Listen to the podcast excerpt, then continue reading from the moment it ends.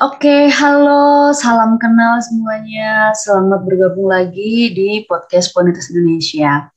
Nah, hari ini kita akan membahas tentang self love. Dan ini tentunya adalah sebuah hal yang penting banget untuk diketahui dan diterapkan dalam kehidupan kita sehari-hari. Apalagi ini bagi teman-teman yang masih di masa quarter life crisis kayak gitu dan juga untuk teman-teman remaja dan ya aku pikir semua orang pasti akan butuh tentang self love. Dan hari ini uh, kita akan melakukan podcast dengan seseorang yang luar biasa. Dia adalah salah satu teman di Puentes Indonesia. Oh ya, Puentes Indonesia itu sendiri kita ada di Manggarai, teman-teman. Jadi kalau misalnya teman-teman uh, yang ada di Manggarai, di Flores ataupun di luar uh, Pulau Flores yang ingin tahu soal Pontius Indonesia bisa coba gabung di uh, Instagram Pontius Indonesia yaitu @pontius.indonesia. Hari ini kita kedatangan tamu yaitu adalah Kakak Feni Klau. Halo Kakak Feni. Halo, selamat pagi. Selamat pagi. Gimana kabarnya? Kamer, teman-teman. Puji Tuhan di hari Minggu ini baik, sehat. Uh, sekarang saya mulai aktif lagi di uh, mulai mengabdi ada di salah satu sekolah di Ruteng. Uh, selebihnya ya di rumah dengan keluarga seperti itu. Oke. Okay. Uh, jadi maksudnya pandemi itu nggak nggak menghentikan kita untuk bisa terus beraktivitas gitu ya? Cuma yeah. bedanya kita harus tetap di rumah dan menjaga jaga jarak sama orang-orang. Iya, tapi tetap produktif lah. Iya, betul.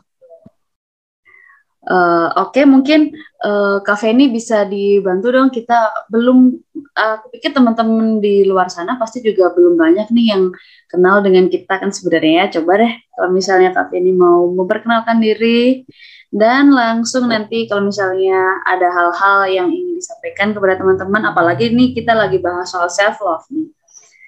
Kayak gitu. Aku persilahkan Kak Feni. Uh, baik, jadi uh, teman-teman perkenalkan nama saya Feni Klau. Saya asalnya dari Malaka dan Manggarai karena bapak mama saya berasal dari dua daerah itu. Uh, kesibukan saya seperti yang tadi sudah saya sampaikan, saya sekarang sedang mengabdi di salah satu sekolah. Uh, sebelumnya saya pernah bergabung dengan salah satu LSM di Manggarai yang juga uh, concern dengan isu-isu kesehatan mental, pendidikan. Uh, jadi hari ini saya diberikan kesempatan oleh uh, Puanitas Indonesia untuk sharing sedikitlah tentang self love seperti itu. Jadi harapannya uh, kita bisa sama-sama belajar melalui podcast Wanitas Indonesia tentang self love kali ini.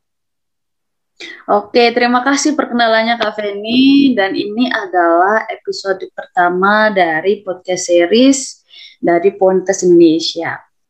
Uh, jadi kita di podcast ini ada temanya.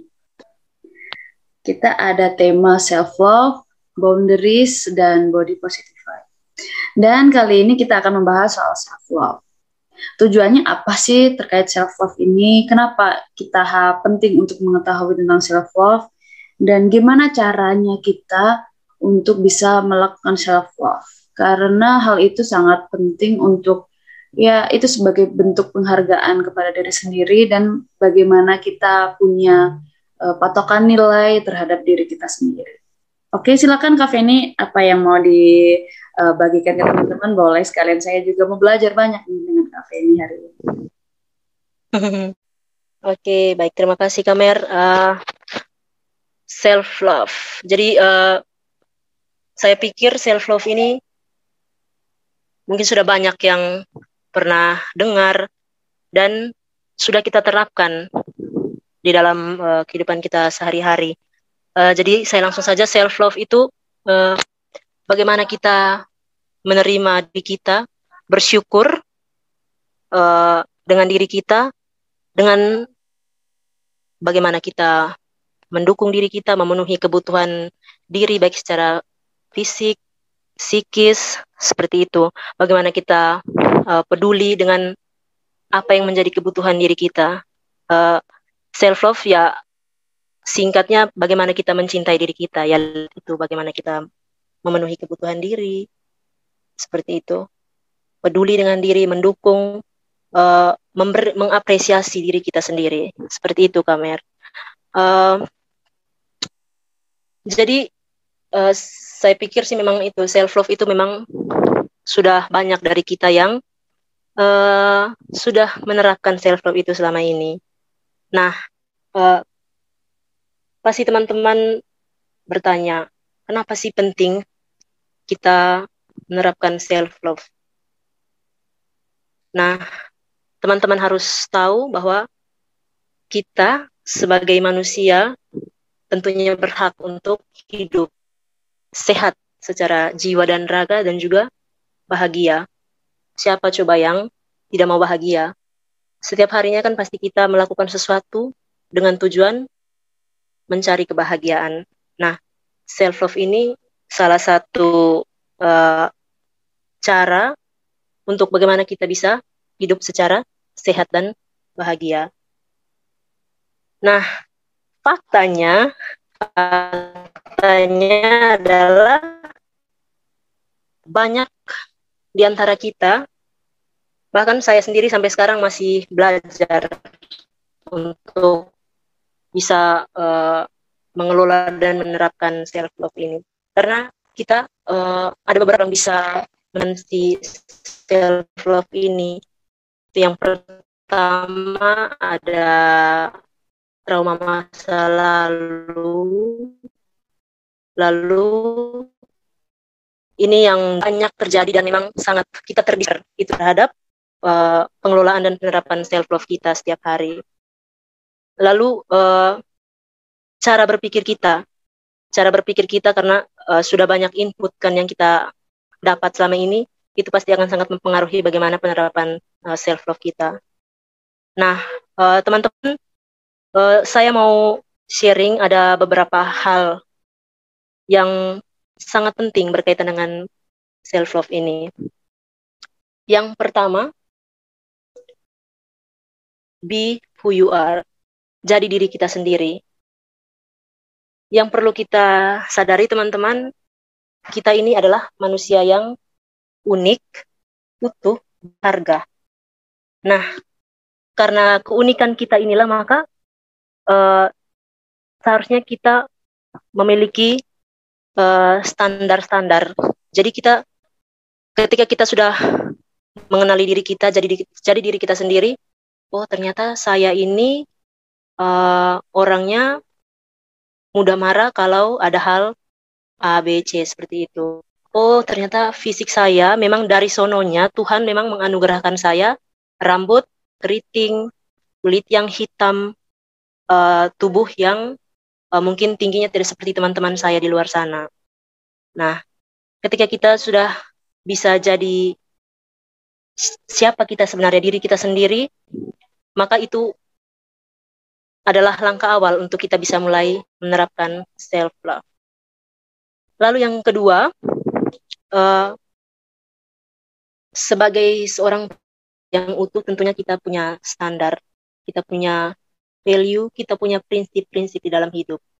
Hasil dari semua pengalaman, dari interaksi kita dengan orang-orang sekitar, apa yang kita pelajari selama ini, baik teman-teman yang mungkin belajar secara uh, formal di sekolah atau dari pengalaman-pengalaman sepanjang hidup kita sampai saat ini.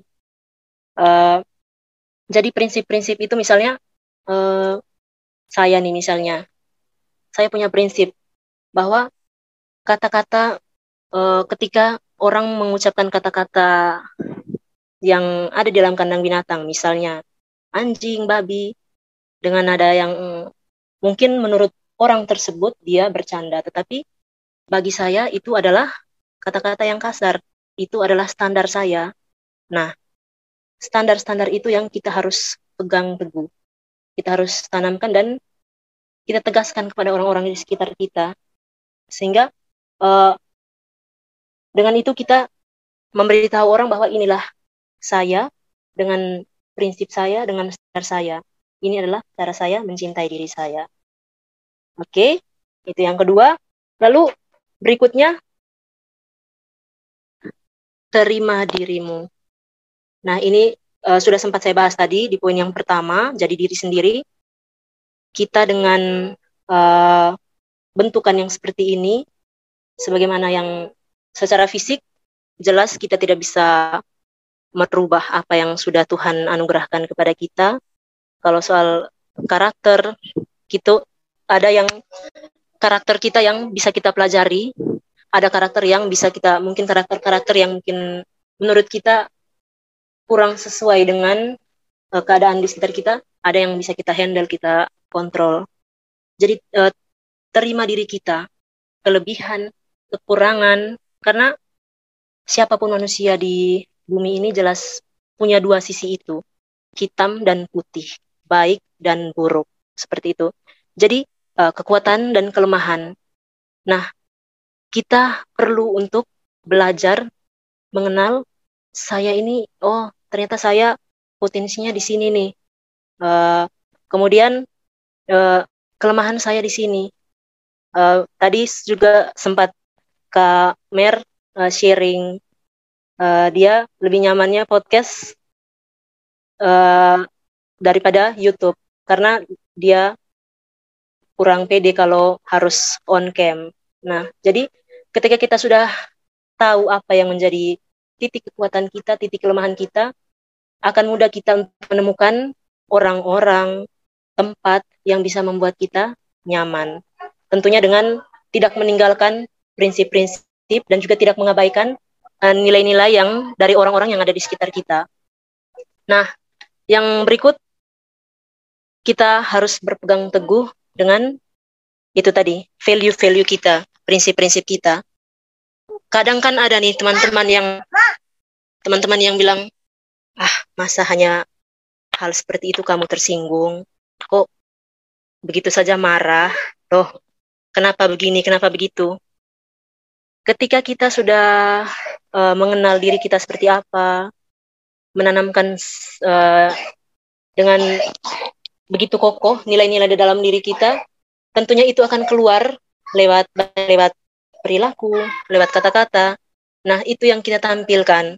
Jadi uh, sebisa mungkin kita mempertahankan nilai-nilai itu sehingga orang-orang di sekitar juga melihat oh ternyata memang dia orang yang seperti seperti ini oh ternyata dia memang tidak suka dengan kata-kata seperti ini karena menurut dia kata-kata ini kasar seperti itu teman-teman oke jadi uh, eh, self love ini sangat berpengaruh sangat berpengaruh uh, dalam relasi kita dengan pasangan di mana kita bekerja berpengaruh juga dengan cara kita menyelesaikan masalah. Karena ketika kita sudah uh, mengenal diri kita, mencintai diri kita, menerima menerima diri kita apa adanya, tentunya kita tahu, oh ketika saya berada di dalam situasi seperti ini, apa yang harus saya lakukan. Karena kita sudah tahu nih, oh ini kekuatan saya, ini kelemahan saya. Seperti itu. Uh, Kamer? Iya, aku mendengarkan. Boleh. Oh ya. Aku menyimak okay, dan oh, ya. aku mencoba apa ya? Coba melihat lagi ke diriku sendiri. Aku udah oh, kayak ya. gitu belum sih kayak gitu. Pernah nggak okay, sih kamu okay. juga juga ngerasa kayak gitu? Oh pernah. ya sampai oh. sekarang juga kan, ya masih belajar lah untuk mm -hmm. mencintai diri sendiri, menerima. Mm -hmm. Oke, okay. Uh, eh, saya lanjut ya kamera ya.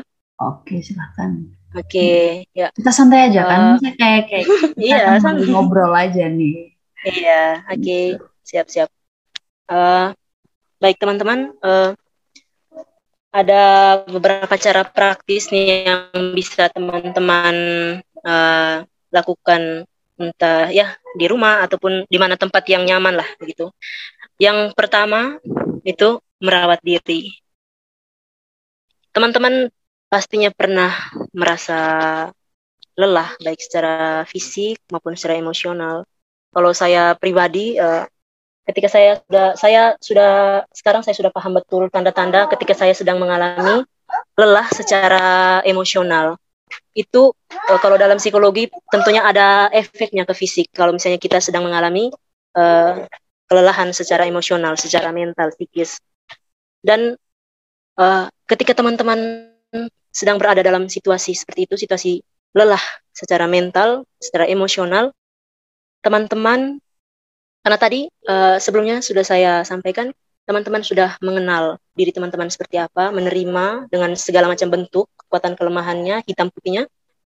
Teman-teman tentu tahu hal mana yang bisa uh, kita sering sebut dengan mood booster kan. Nah, teman-teman bisa cari tuh. Uh, mungkin yang bisa jadi mood booster saya itu adalah teman-teman saya. Oh, nongki-nongki nih dengan teman-teman. Itu bisa bikin happy lagi, recharge recharge energi makan Lalu, banyak. Oh saya mm, makan kan, uh, pergi ke salon misalnya, mm-hmm. atau jalan-jalan ke mana ke pantai atau ke mana. Jadi kita merawat diri dengan hal-hal seperti itu, merawat dirinya secara fisik juga secara emosional. Fisik ya mungkin kita ya makan, makan, salon ke salon, merawat diri, putekan seperti itu. Kalau secara emosional ya mungkin kita uh, mendengarkan lagu-lagu yang teman-teman suka, atau ya goyang-goyang TikTok seperti itu. Jadi temukan hal-hal yang bisa uh, meningkatkan lagi energi teman-teman. Jadi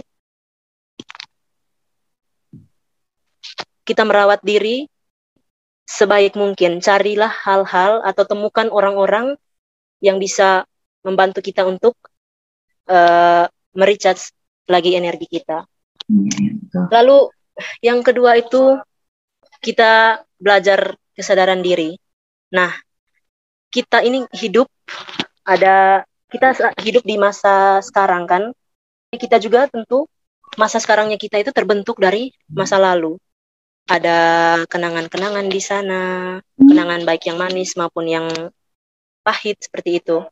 Nah, yang perlu kita yang saya maksudkan dengan kesadaran diri adalah kita harus uh, memisahkan dua masa ini, masa lalu dan masa sekarang. Karena kita cenderung hidup di masa lalu meskipun fisik kita ada di masa sekarang tapi pikiran kita cenderung berkunjung ke masa lalu. Dan berdiam lama di sana mengenang lagi terutama hal-hal yang menyakitkan apabila hmm, di masa sekarang ada pemicunya nih Mm-mm, belum bisa move on. Misalnya di masa sekarang nih ada pemicunya, wow, oh kembali lagi ke masa lalu, ingat lagi kenangan-kenangan yang kurang enak seperti itu. Jadi kita perlu uh, belajar menyadari bahwa uh, ada satu lagi nih yang uh, kalau soal um, belajar tentang kesadaran ini mindfulness. Nah itu, jadi kita harus hidup saat ini di sini. Nah misalnya nih saat ini saya lagi di kamar kan lagi podcast podcastan sama kamer. Tapi uh, di sekitar saya ada juga nih musik-musik gitu. Jadi uh, ketika kita ada di satu tempat ada di situ suatu situasi kita nikmati. Oh ini uh, gunakan panca indera kita.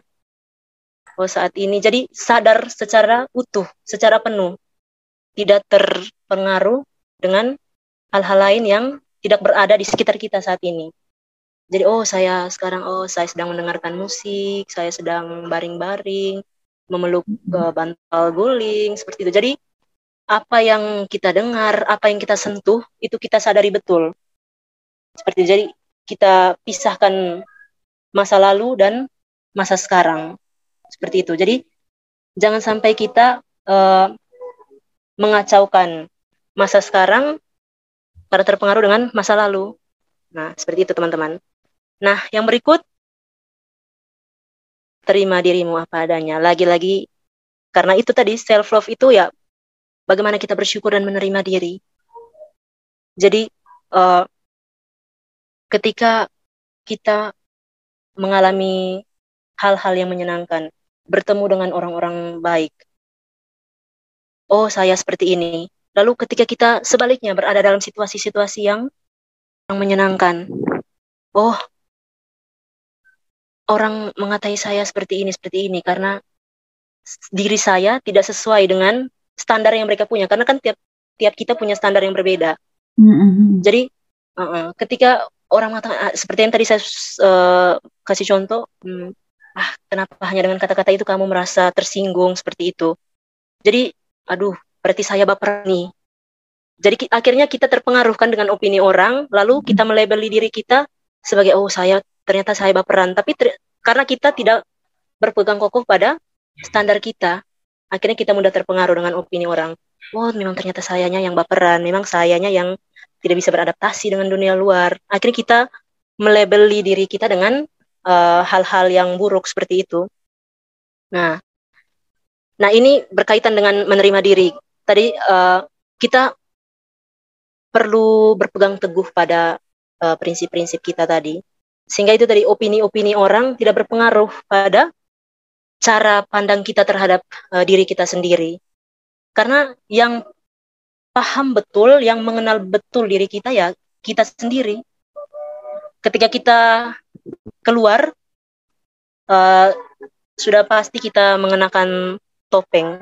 Bahkan mungkin dengan orang yang sudah kita kenal berpuluh-puluhan tahun bahkan ada saat-saat di mana memang kita uh, harus menekan uh, keaslian diri kita karena kita berusaha untuk beradaptasi dengan orang tersebut, beradaptasi dengan situasi tersebut. Tetapi yang saya mau tekankan di sini bahwa jangan sampai kita kehilangan diri kita hanya karena ingin menyenangkan orang lain. Jadi uh, never underestimate yourself, teman-teman. Jangan pernah meremehkan dirimu sendiri, karena uh, kamu itu istimewa, kamu berharga, kamu layak untuk dicintai. Jadi ketika kamu sudah berpegang teguh memegang secara kokoh prinsip-prinsipmu, standar-standar yang sudah kamu pupuk selama ini, jangan sampai itu hancur hanya karena opini orang lain, hancur karena uh, terdistrek dengan masa lalumu. Seperti itu. Oke, okay, teman-teman. ya. Lalu uh, siapa nih yang uh, ketika ada dalam situasi yang kurang mengenakan mulai berpikir apa memang saya yang uh, misalnya apa mungkin memang saya yang tidak bisa mengerjakan hal itu? Atau apakah memang saya yang tidak layak untuk uh, ragu terhadap diri itu. sendiri mm -mm. Mm pasti oh saya juga sering sering seperti itu. Ah kayaknya mendingan saya terus deh sama orang-orang itu. Atau ah saya terus inilah kayaknya memang saya tidak mampu nih untuk hal-hal seperti ini. Jadi tanpa lebih dulu uh, mengenali diri sudah meragukan diri sendiri mm-hmm. Mm-mm, seperti itu teman-teman ketika kita mulai muncul pikiran-pikiran negatif harusnya kita pertanyakan jangan kita tunduk pada pikiran-pikiran negatif itu jadi kita beri pertanyaan untuk diri sendiri. Seperti, uh, misalnya, hmm, teman-teman ada teman-teman kita yang bilang, ah kamu tidak bisa mengerjakan hal ini. Tanyakan kepada diri kita, loh memang apakah benar saya tidak bisa mengerjakan? Kenapa sih saya tidak bisa mengerjakan hal ini? Kan jadi dari pertanyaan-pertanyaan itu uh, kita akan menemukan jawaban-jawaban. Jadi misalnya, ah kan mereka bilang saya seperti ini A B C memangnya benar saya tidak bisa seperti itu kan sebenarnya saya bisa kan saya bisa belajar saya bisa uh, bertanya mungkin ke orang lain. Saya bisa berlatih. Jadi dari pertanyaan-pertanyaan negatif itu kita kembalikan ke diri apakah memang kita benar seperti itu? Kita memang senegatif itu. Kita membangun uh, opini positif. Kita membangun lagi uh, ya hal-hal positif dalam diri kita bahwa sebenarnya kita belum sepenuhnya mengeksplor kemampuan kita. Jadi dari pertanyaan-pertanyaan negatif itu kita di, kita patahkan, lalu kita ganti dengan semangat-semangat untuk bisa mencapai mematahkan pikiran-pikiran negatif itu seperti itu. Nah, yang berikutnya kita perlu menetapkan batasan teman-teman dua uh, menetapkan batasan dan juga bersikap tegas. Ini yang masih siapa banget deh. Iya. siapa nih yang sering uh, kalau misalnya di, dimintai tolong sama teman, iya deh meskipun saya lagi sibuk sebenarnya Always, tapi ah, yes. kasihan tidak tidak enak. Aduh, nanti dia, dia bilang saya apa? Aduh, nanti dia tidak mau berteman lagi sama saya. Aduh, begini begitu segala macam kan. Betul. Pasti pasti banyak kan yang masih tidak enakan kalau misalnya uh, ada apalagi, yang minta tolong. Apalagi kalau itu iya. teman-teman yang deket banget gitu kan. Iya. Teman aduh itu wah bisa tujuh hari tujuh malam kan pikirannya kalau misalnya tidak memenuhi permintaan karena alasan tidak enakan seperti itu. Ya, nah, betul. Uh -uh. Jadi uh, teman-teman sebenarnya uh, kita tidak tidak perlu uh, menekan diri sendiri hanya untuk memenuhi ekspektasi semua orang. Menyusahkan diri sendiri hanya untuk membuat orang lain bahagia. Lah, kita membuat dia bahagia, lalu kita kebahagiaan kita siapa siapa yang mau memikirkan siapa yang mau mengurusi kebahagiaan kita seperti itu jadi uh, ini saya juga perlu tekankan teman-teman jadi self love ini uh, beda dengan selfish beda dengan egois ya jadi uh-huh. lebih ke hmm, seperti itu jadi jangan sampai kita uh, punya persepsi yang uh, keliru tentang self love dan selfish ini jadi ketika kita misalnya menolak permintaan teman karena ada alasan yang memang uh, tidak bisa kita tinggalkan. Seharusnya kita tidak perlu merasa tidak enakan. Yang penting ketika misalnya teman, oh tolong dong begini begini begini, kita sampaikan ke dia. Oh maaf saya tidak bisa karena ini nih ABC sekian sekian. Nah kita perlu uh, latih untuk tidak merasa enakan. Jadi kecuali kita uh, berbohong nih, berbohong uh, tidak mau membantu si teman itu. Nah, itu memang ya salah juga sih. Tapi ketika kita memang benar-benar berada dalam situasi yang memang aduh sorry saya saat ini memang tidak bisa, benar-benar tidak bisa ya. Seharusnya kita tidak perlu merasa tidak enak seperti itu. Jadi teman-teman itu saya ingatkan lagi jangan menyusahkan diri sendiri hanya untuk membahagiakan orang lain seperti itu, teman-teman. Nah, ini nih uh, uh, yang berikutnya ini lebih seru lagi nih membandingkan diri sendiri dengan orang lain. Oh God. Astaga ini semua ini, semua yang dari tadi kafe ini sampai jadi PR besar sih untuk aku iya, sendiri loh. Iya. Aku sendiri pun juga iya. kadang masih yang ada seperti itu juga. Mm -hmm. Jadi iya, kayaknya self ini mm. Apa ya pembelajaran yang terus menerus dan kita iya. mencoba untuk bertumbuh dengan diri sendiri seperti itu gitu ya. Iya. Mm-hmm. Ini pembelajaran seumur hidup sih kamera kalau menurut saya. Ya, betul, betul. Ini seumur hidup betul. Ya.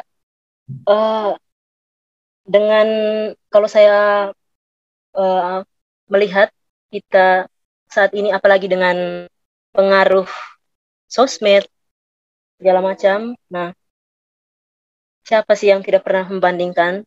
Saya juga pernah ketika buka Instagram, wow, oh teman saya pasangannya seperti ini, circle pertemanannya pertemanannya dia seperti ini. Kayaknya mereka seru. Kenapa saya tidak punya yang seperti apa yang dia punya? Kenapa pasangan saya tidak se misalnya tidak setampan atau tidak seromantis uh, pasangan teman saya? Itu masih ada sampai sekarang. Jadi mm-hmm. uh, kita akhirnya terpengaruh dengan standar dunia luar. Nah, seperti itu. Karena karena kita itu tadi kita belum punya uh, pegangan yang kokoh. Kita belum begitu uh, memegang teguh prinsip-prinsip kita, standar-standar kita, sehingga ketika ada hal-hal di luar, ada opini-opini orang lain, kita mudah terpengaruh. Kenapa? Wah, kenapa dia begitu? Kenapa saya seperti ini? Kenapa saya tidak bisa seperti dia? Oh, dia bisa ya seperti itu, saya tidak bisa gitu.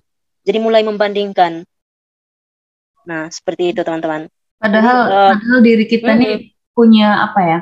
Punya sesuatu iya, kita, juga yang lebih dari orang-orang yang lain gitu ya. Iya. Nah, tapi iya. untuk di bagian tertentu kita kadang itu membandingkan iya. orang lain. Membandingkan. Kita merasa bahwa oh cantik harus begini nih putih. Itu kan standar-standar uh, zaman now kan yang ya mungkin dari beberapa tahun lalu standar-standar itu masih relevan dengan uh, zaman ya. kita saat ini. cantik harus sekian-sekian. Uh, uh, mau jadi hits followers Insta Instagrammu harus sekian seperti itu kan. Jadi oh kita cenderung menjadikan standar orang lain itu jadi standar kita. Mm-hmm. akhirnya ketika kita tidak memenuhi standar itu mulailah kita melebeli diri sebagai oh saya orangnya uh, kurang gaul tidak pandai berteman merasa bahwa diri kita hmm, gagal begitu ya? Hmm. iya selalu gagal gagal kurang. Ah berarti memang sayanya yang seperti ini. Padahal memang ya dia memang mungkin dia punya kelebihan di bidang itu ya. Kita tentunya kita juga punya kelebihan di uh, sisi hmm. lain kan dan itu yang kita belum kenal betul dan mungkin ya kita tidak sadari bahwa kita punya potensi itu seperti itu karena itu tadi standar-standar dari dunia luar itu yang kita jadikan patokan sehingga kita sulit untuk mengenali apa yang kekuatan apa yang sebenarnya kita punya. Oke. Okay. Ini pengaruh-pengaruh ya. buruk dari media sosial ya. juga kayaknya. Media sosial iya. Tempat itu, pamer itu. Hmm. kayak gitu. Tempat pamer iya kan. Hmm. Hmm. Padahal kan belum tentu nih, tidak semua ya, tidak semua ya kamera, tapi belum tentu kan semua yang ditampilkan di sosial media itu adalah realnya. Yang kan yang iya. ditampilkan di sosial media kan yang indah-indah, semua yang baik-baik lah. Mm-mm. Kan gak mungkin pas mm. orang lagi sedih-sedih. Iya. Kemudian kan lagi men- lagi lagi galau, lagi menangis ya. Nah, eh tapi ada juga jadi, loh yang model-model seperti itu yang memang dia cara coping untuk uh, apa kesedihannya itu dengan mm-hmm. meluapkannya di sosial media ada juga sisi yang seperti itu. Iya, iya.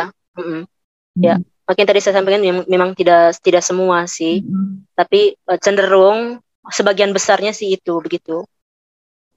Lalu ini menjauhi orang toksik. Waduh.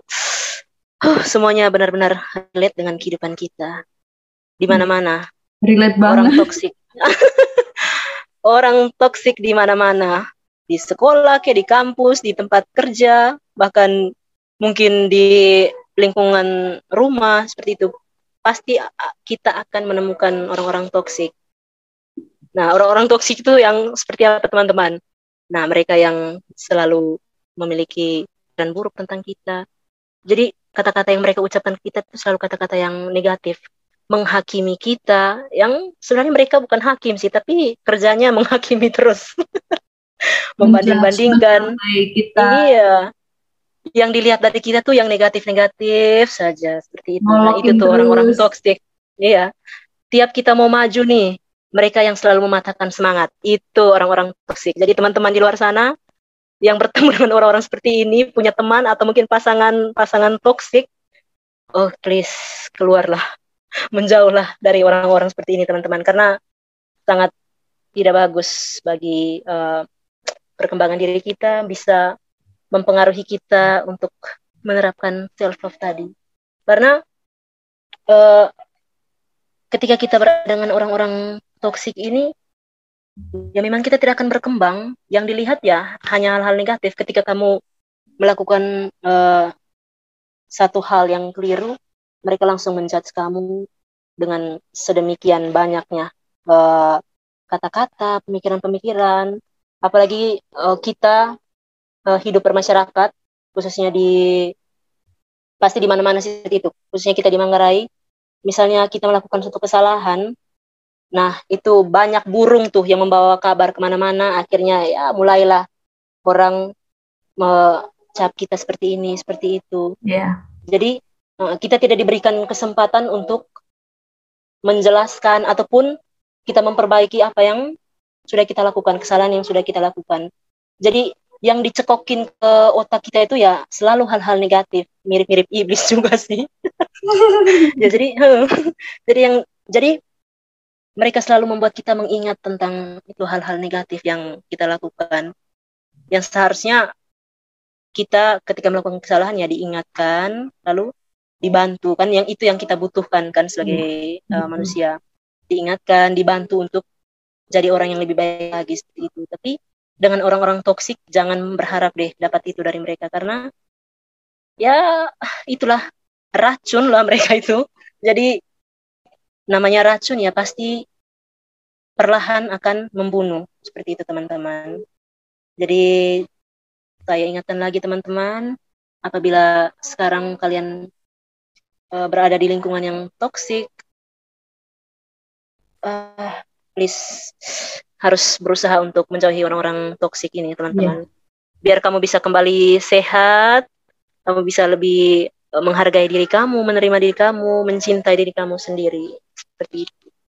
Dan lagi kalau misalnya kita apa ya kita ada di circle lingkungan yang toksik itu aku pikir akan menghambat uh, menghambat kita sendiri untuk bisa lebih berkembang gitu.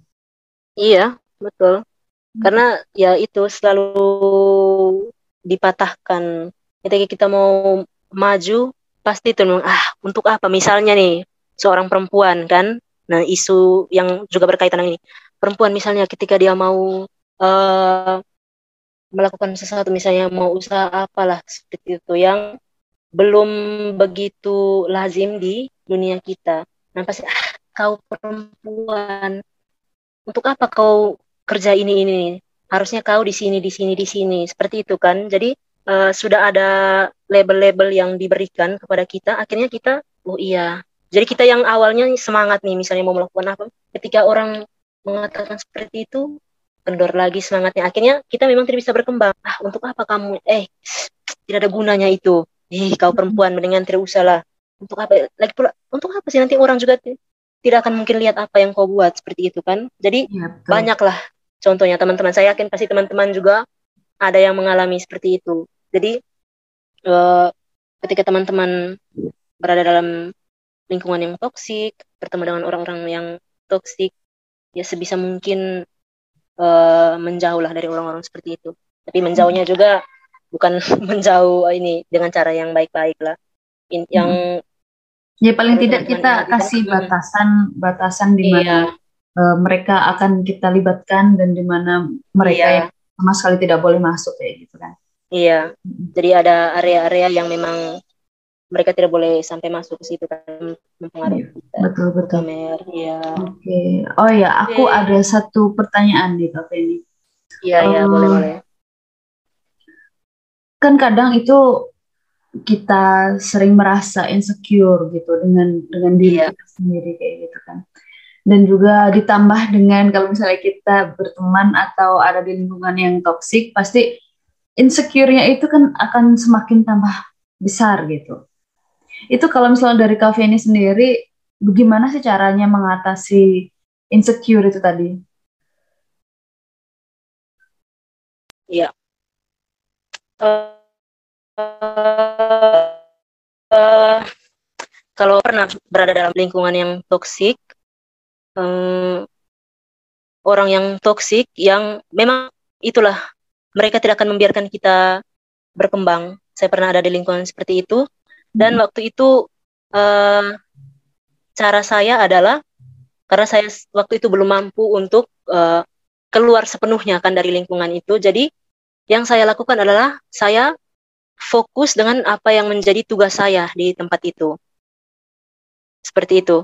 Jadi ketika saya berkomunikasi dengan orang yang toksik itu pun uh, misalnya kan saya di uh, tempat kerja nih kan kemarin mm. misalnya uh, uh, uh, jadi saya tetap berkomunikasi seperti itu tapi ya memang komunikasinya sebatas pekerjaan memang hal-hal yang memang berkaitan dengan pekerjaan. Saya juga fokus mengerjakan apa yang menjadi tugas-tugas saya seperti itu. Dan ketika orang toksik itu mulai beraksi ya saya memilih untuk mengabaikan. Dan intinya itu saya fokus fokus dengan apa yang menjadi tugas saya sehingga saya tidak uh, bisa sedikit mengalihkan uh, orang-orang toksik itu lingkungan-lingkungan toksik seperti itu Pamer. Iya iya betul betul. Kalau dari aku sendiri sih yang eh, dari self love itu tadi yang sampai sekarang aku masih rutin untuk melakukan itu sebenarnya ada dua sih.